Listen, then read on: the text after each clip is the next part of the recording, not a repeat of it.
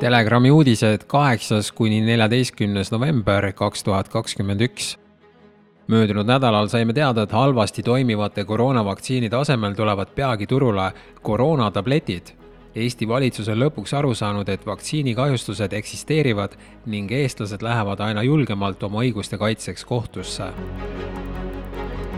suured lubadused Pfizer lubab koroonatableti, mis vähendab surmariski kaheksakümmend üheksa protsenti. üheteistkümnendal novembril andsid Suurbritannia ametiasutused USA farmaatsiahiiu Merki eksperimentaalsele ravimile Molnupiraviir heakskiidu, mis on esimene kord, kui paljulubav Covid-19 pillidel põhinev ravi lubati kõikjal maailmas juba järgmisel hommikul pärast selle uudise avaldamist teatas Pfizer oma eksperimentaalsest viirusevastasest ravimist Paxlovid, mis väidetavalt vähendab viirusesse nakatunud kõrge riskiga inimeste haiglaravi ja surmariski kaheksakümmend üheksa protsenti ning lubas, et nad esitlevad seda peagi USA-le. vaktsiin alla ja tablett peale. terviseks! Robert Kochi instituut kuulutab vaktsineerimise praktiliselt mõttetuks väikeses kirjas. Robert Kochi instituut ehk RKI on muutnud Covidi vastu vaktsineerimist käsitleva ametliku teabe peamist lõiku väikeses kirjas. seal on nüüd lakooniliselt öeldud, et nakatumise tõenäosus pärast vaktsineerimist ei ole kvantifitseeritav. Ühtäkki pole väidetava kaitsva toime kohta enam infot ehk kõrge tervishoiuasutus ei taha enam kindlaks teha, kas ja mil määral on vaktsineeritud inimene endiselt kaitstud või mil määral kaitseb ta teisi nakatumise eest. seni on see aga olnud ainus usutav põhjus, miks end üldse vaktsineerida. Kuni esimese novembrini oli RKI kodulehel kirjas, rahva tervise seisukohalt näib viiruse edasikandmise risk olevat sedavõrd vähenenud, et vaktsineeritud inimestel ei ole haiguse epidemioloogias enam olulist rolli see lõik oli vaktsineeritud inimeste privileegide üks peamisi aluseid, aga see lõik on tänases RKI kodulehe versioonis kustutatud. mis toimub? Ka Eesti valitsus on aru saanud, et vaktsiinikahjustused ei ole naljaasi ja rahva usaldus tuleb tagasi võita. Isamaa algatas eelnõu vaktsiinikahjustuse fondi loomiseks kui riik kohustab inimesi vaktsineerima, peab ta olema valmis ka vastutuse võtma ja inimesi abistama, ütles Isamaa esimees Helir-Valdor Seeder. otsus võeti kiiresti vastu. valitsus on jõudnud kokkuleppele vaktsiinikahjustuste fondi asutamiseks eelmise aasta kahekümne seitsmendast detsembrist selle aasta seitsmenda novembrini on Ravimiameti lehele Covid-19 vaktsiinidega seoses saadetud viis tuhat kuussada üheksakümmend kuus teatist võimalike kõrvaltoimete ja vaktsiini ebaefektiivsuse kohta, sealhulgas kakssada kakskümmend neli teadet tõsiste kõrvaltoimete kohta. näiteks on seal välja toodud juhtum, kus kuueteistaastane nooruk suri kuuendal päeval pärast esimest vaktsiiniannust kopsuarteri trombemboolia tõttu noorukil esinesid olulised riskifaktorid ja kaasuvad haigused, sealhulgas korduvad tromboosid. ravimiameti hinnangul seos vaktsiinidega puudub. ka Telegrami toimetuseni on jõudnud mitmeid raskeid kõrvaltoimeid, näiteks nägemise kaotamine, kuulmise kaotamine, osaline halvatus ja surm, mille osas inimene ise või pere ei ole Ravimiametile kõrvaltoimete kohta teatist teinud, kuna perearsti sõnul seos vaktsiiniga puudub vaatame siis, kuidas see fond tööle hakkab. inimesed, keda on suures vaktsineerimistuhinas ebaõiglaselt koheldud, on asunud otsima abi kohtu kaudu. üle viiekümne Politsei- ja Piirivalveameti vaktsineerimata teenistuja sai kohtus esialgse õiguskaitse kohus andis eelmisel nädalal esialgse õiguskaitse enam kui viiekümnele Politsei- ja Piirivalveameti teenistuja ühishagi raames, milles nad nõuavad vaktsineerimiskohustust sisaldava PPA käskkirja tühistamist. hagi esitanud teenistujad ähvardab vallandamine.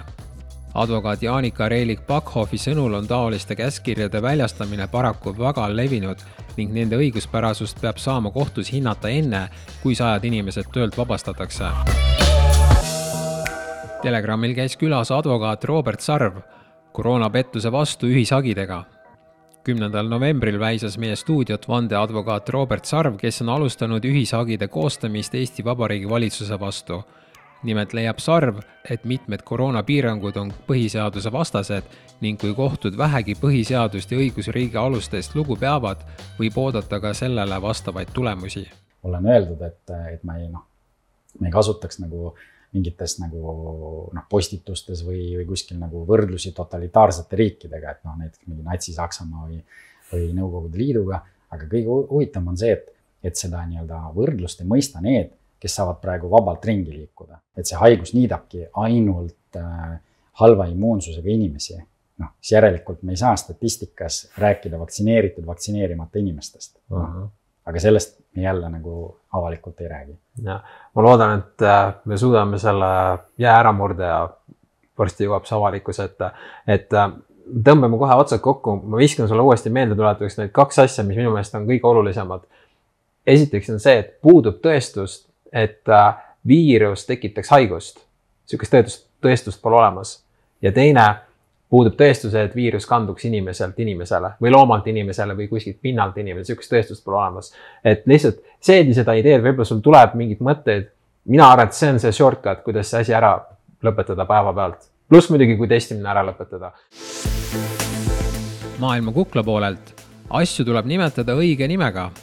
Austraalia Victoria tervishoiuministeeriumi Covid osakonna juht, valige oma mürk Austraalia on teatavasti koroonapettuse testtsoon, kus rakendatakse läänemaailma kõige karmimaid meetmeid, et näha, kui kaugele on massid nõus kaasa minema meditsiiniterrorismi ja inimõiguste kaotamisega.